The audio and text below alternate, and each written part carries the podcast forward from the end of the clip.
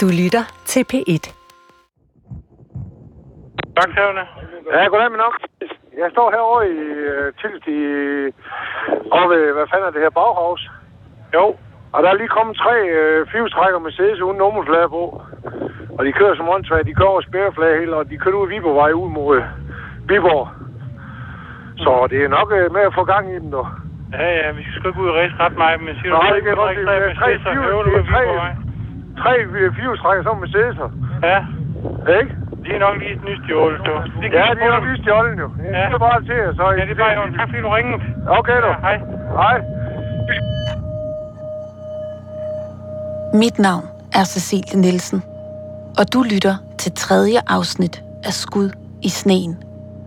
En podcastserie om en sneværsnat i Tilst i december 2001, hvor to biltyve bliver ramt og dør af skud affyret af politiet. Bjarne. Ja, det er Monty. Ja. Hvad her, det er nede, øh, dernede for enden Ja, ved øh, Tils Lift der, Ja. hvor øh, det, det, hændelsen udspiller sig først. Ja.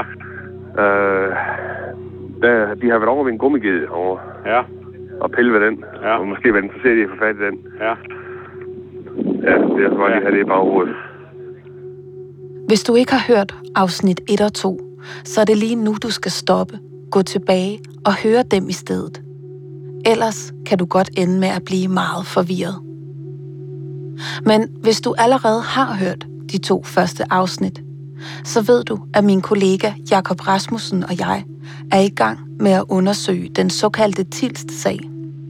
På P1 Dokumentar har vi nemlig fået unik adgang til 10 tykke ringbind fra sagen.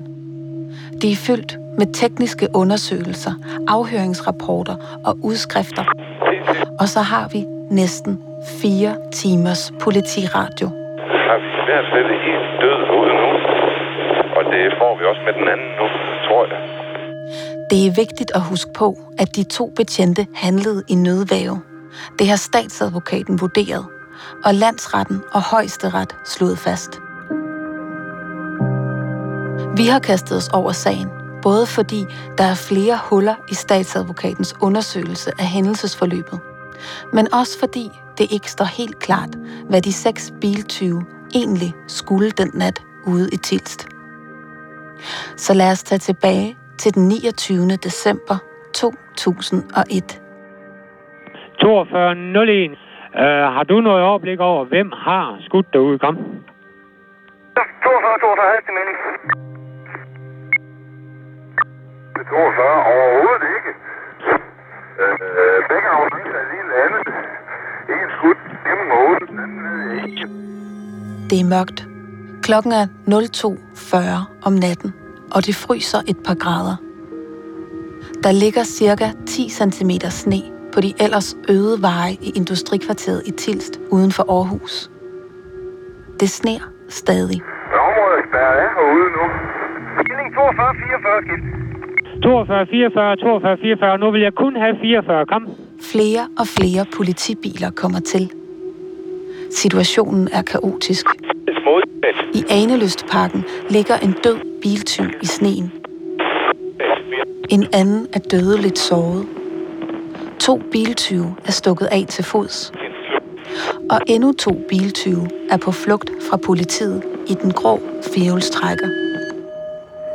Vi er godt klar over, at de følger jo efter os, fordi de kan se vores spor. Det her er Dennis, som vi mødte i sidste afsnit. Han sidder sammen med Peter. Det er Peter, der kører bilen. Han kører gevaldigt hurtigt. Altså virkelig hurtigt.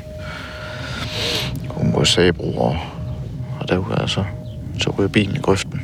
Den grå firehjulstrækker ryger i grøften. Dennis stikker af til fods og forsvinder ud i natten. Men hvad gør Peter? 97 skift. 97. Kom. Og P2 her fra Noring har minimum en af dem, vi er efter netop stjålet en Mazda 626. Champagnefarvet eller metalgrøn. 97 skift. 03. 03. Fik du det, kom? Hvad farve var den var? Skifter. Metalgrøn. Metalgrøn, kom. Peter har stjålet Mazdaen.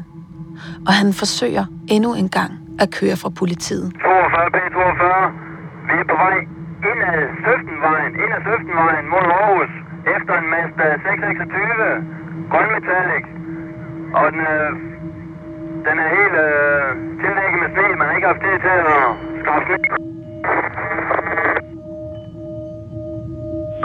Modsat, vi har en flugt.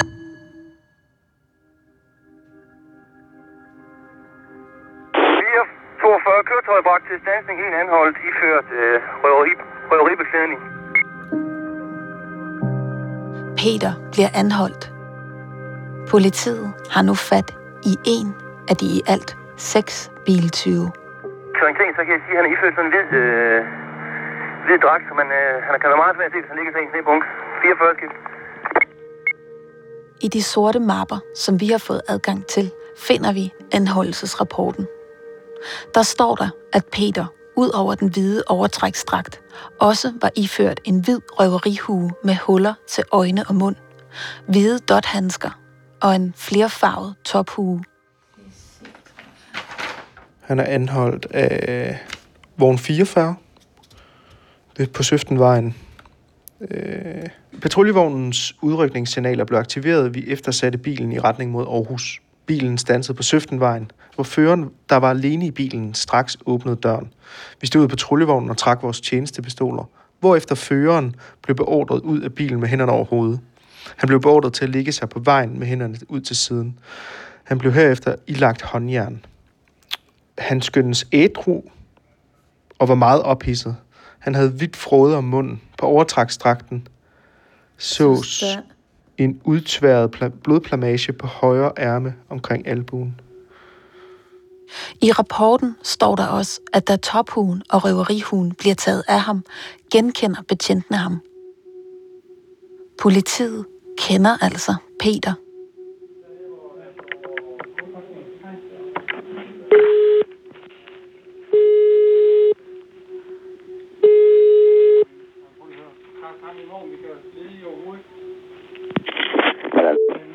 Godmorgen, Allan. Det er Bjarne. Godmorgen, Bjarne. Det er midt om natten. To højtstående politifolk ved Aarhus Politi snakker sammen på telefonen. Nu skal du ikke lyde så frisk. Jo. Jeg siger, nu skal du ikke lyde så frisk. Nå, okay. Vi har to, der er skudt. Nå, for fanden. Det sker i forbindelse formentlig med nogle, med nogle af vores rambuktyve. Og det er muligt, at det er politiet, der har skudt dem. Okay. Men de er dræbt, de to, ikke? Ja, den ene er i hvert fald død, og den anden vil formentlig afgå ved døden. Ja, okay. Ved vi, hvem det er, der er døde? Nej, det ved jeg ikke endnu. Nå, okay. Men det er i hvert fald ham, vi har taget til fange. Det er Peter. Nå, for fanden, så er vi inde i den kreds. Vi er inde, vi er inde i den kreds der. Ja, ja. I mapperne kan vi se, at politiet lige præcis den her dag, altså den 29. december 2001, faktisk aflytter to af biltyvene. Den ene er Lars, ham der bliver ramt af skud i siden af hovedet, og den anden er Peter. Peter, som altså er så kendt af politiet, at betjentene genkender ham med det samme. Den næste dag kl. 16.35 bliver Peter afhørt på politigården i Aarhus. Her bliver han gjort bekendt med, som det hedder, at det er politiets opfattelse, at biltyvene var i færd med at stjæle en gummiged med henblik på at begå et rambuktyveri. Han blev forespurgt, om han ville udtale sig til dette. Hertil svarede han, fantasiverden. Han blev opfordret til at fortælle om baggrunden for, at de var derude, men han ønskede ikke at oplyse yderligere. Men hvad siger Peter i dag? Vi finder Peter på Facebook. På den åbne del af Peters Facebook-profil er der flere billeder af motorcykler. Der ligger også en video, hvor Peter sidder på en motorcykel og laver et hæftigt hjulspind. Røgen fra dækket, der bliver slidt mod asfalten, vælter op. Peter har en lædervest på med et rygmærke. Et dødningehoved iført en rød hjelm med en stor gul vinge. Under står der Hells Angels Denmark.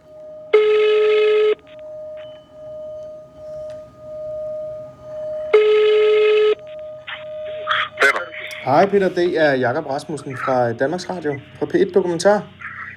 Peter var ikke medlem af HA, dengang i 2001, men det er han i dag. Han foreslår, at han og Jakob mødes i klubhuset i Aarhus. HA's klubhus. Men dagen før de skal mødes, kommer der den her sms. Skal jeg sidde og læse op? Hej. Må springe fra, da vi her, da vi har en politik i klubben, at vi ikke deltager i noget med pressen PT. Med venlig hilsen, Peter. Pis. Pis. Det er ikke ham, der har formuleret den sms der. Nej. Vi ville selvfølgelig gerne have spurgt Peter, hvad han skulle den nat ude i Anelystparken. For det er tydeligvis ham, politiet forbinder med Rambuk-tyverier.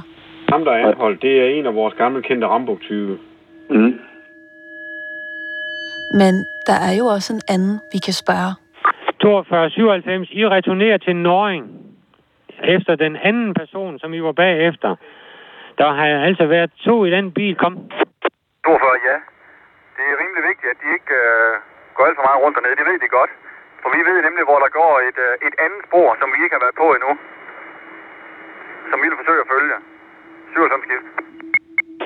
Det er Dennis' spor, politiet kan se i sneen. Men på det her tidspunkt er han allerede langt væk. Hvordan går resten af natten for dig? Oh. Den går faktisk med bustur og taxatur og en god, god tur på 15-20 km, tror jeg. I snevejr. Og så tænker jeg på, hvad, hvordan og hvorledes, og hvem der er blevet skudt, og hvem der ikke er blevet skudt, og, og så, hvad fanden skal man gøre? Altså, det var ikke hver dag, at, at politiet, de var sådan pløkkerløs. Jeg tager faktisk bussen ned til øh, lige foran politistationen, og så står jeg dernede. Da jeg gik ind på politigården, der gik op til skrænten, og så sagde jeg, jeg tror, I leder efter mig. Og så kigger ham der betjent på mig og siger, hvad får du til at tro det? Og så nævner jeg mit navn. Og så tænker jeg bare retardo, fordi så kommer de bare alle sammen springende, som om jeg var ved at stikke af dernede fra. Og jeg tænker sådan lidt, øh, altså, jeg, jeg, jeg er gået frivilligt herned, altså, hvad fanden får dem til at tro, at jeg skal til at løbe igen nu?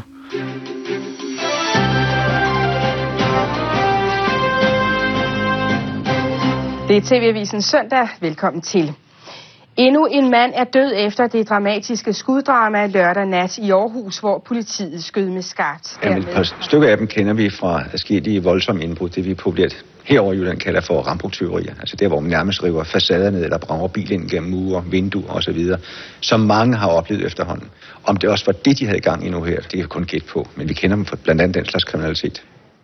Det her er Allan Lund, dengang chefkriminalinspektør ved Aarhus Politi. Han blev interviewet til TV-avisen dagen efter skuddene i Tilst. Der er mange åbne spørgsmål stadigvæk i den her sag. Det er blandt andet, hvad vil de med den her gravkår? Hvorfor møder de op derude i hvide dragter, nærmest kamuflagetøj, som jægersoldater er på i Finnmarken? Hvad er det så travlt med at komme væk fra? Hvorfor må politiet ikke se den vogn? Har de noget i vogn, vi ikke må se? Var det derfor, de optrådte så voldsomt over for os? Og så videre, og så videre. Der er mange spørgsmål. Der er enormt mange spørgsmål. Hvad var det, de seks biltyve skulle ud i Anelystparken? Kom de efter gravkonen? Og hvis de gjorde, hvad skulle de så bruge den til? Hvornår hører du første gang om aftens planer?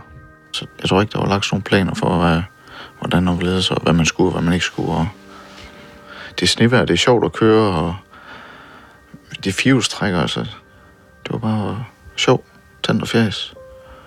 Drengestreger, eller som man nu kalder det. Hvad skal I bruge de her biler til? Jamen, øh, hvad brugte vi dem til? Vi brugte dem til at ligge og race rundt. Og så fordi vi vidste, at det var i hvert fald helt sikkert nogle biler, politiet ikke kunne fange os i. Eller, det tror vi i hvert fald. Normalvis, så ville de ikke kunne fange os i dem. Skulle de sælges videre? Det skulle ikke nogen, der giver købe sådan noget gammelt lort. Altså, nej. Det er jo, der står jo en gummiged ude i Engløsparken, som bliver forsøgt stjålet. Er det det, I er på vej til? Hvis, ja, det tror jeg. Det, men jeg er ikke... Jeg, jeg aner ikke, hvad de andre de lavede.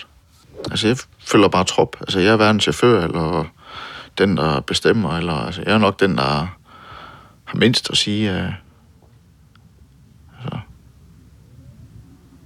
af dem, som, hvis der var nogen, der skulle bestemme noget.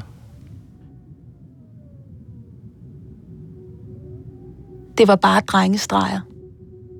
De ville bare køre rundt i sneen i de store firehjulstrækkere. Men i så fald er det drengestreger iført hvide overtrækstrakter, handsker og elefanthuer. Men det virker også lidt professionelt. At vi stjal biler? At det var med kedeldragt og med elefanthue? Ja, og elefanthue, det jamen, hvis man bare kender en smule til den kriminelle verden, så ved alle folk, at, at en elefanthue eller en hætte, det, det er standardudstyr. Hætter og handsker, det altså, dengang der var ikke lige så meget med DNA. Men, men øh, altså fingeraftryk og kamera, det var, det var det, man kunne blive fanget på så. Standardudstyr i den kriminelle verden. Det er det, Dennis selv kalder det. Men på radiokommunikationen kan vi jo høre, at politiet mener, at de har været over og pille ved en gummiged. Der, de har været over ved en gummiged over. Ja. Og pille ved den. Ja. Og måske været interesseret i at få fat i den. Ja. Ham, der er anholdt, det er en af vores gamle kendte Rambo-tyve. I de sorte mapper kan vi se, at politiets teknikere fastslår, at biltyvene umiddelbart før vogn 91 ankommer, har forsøgt at stjæle gummigeden. Sideroden i førerhuset er knust. Døren er delvist ødelagt, og tændingslåsen er fjernet og ligger på en hylde. Men hvad biltyvene skal bruge gummigeden til, kommer vi ikke tættere på lige nu. Vi retter i stedet blikket mod den sorte bil, og det skud, der dræber ham, der hedder Claus. For lige ved siden af Claus, der sidder Thomas.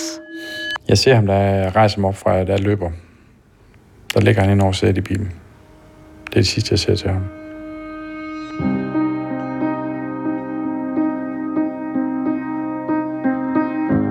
Du har nu hørt det tredje afsnit af podcastserien Skud i sneen fra P1 Dokumentar. Serien er tilrettelagt af Jakob Rasmussen og Cecilie Nielsen. Mikkel Skovgaard og Maria Nærgaard Lorentzen er også en del af redaktionen. Klip og montage er lavet af sine Mandsdotter, og Jesper Hyne er redaktør. Vi har spurgt Østjyllands politi, om de vil medvirke, men det vil de ikke. De skriver til os, at de sagtens kan forstå, at sagen fra Tilst stadig påvirker de pårørende. De mener dog fortsat, at betjentene handlede som de skulle, og de betragter sagen som afsluttet.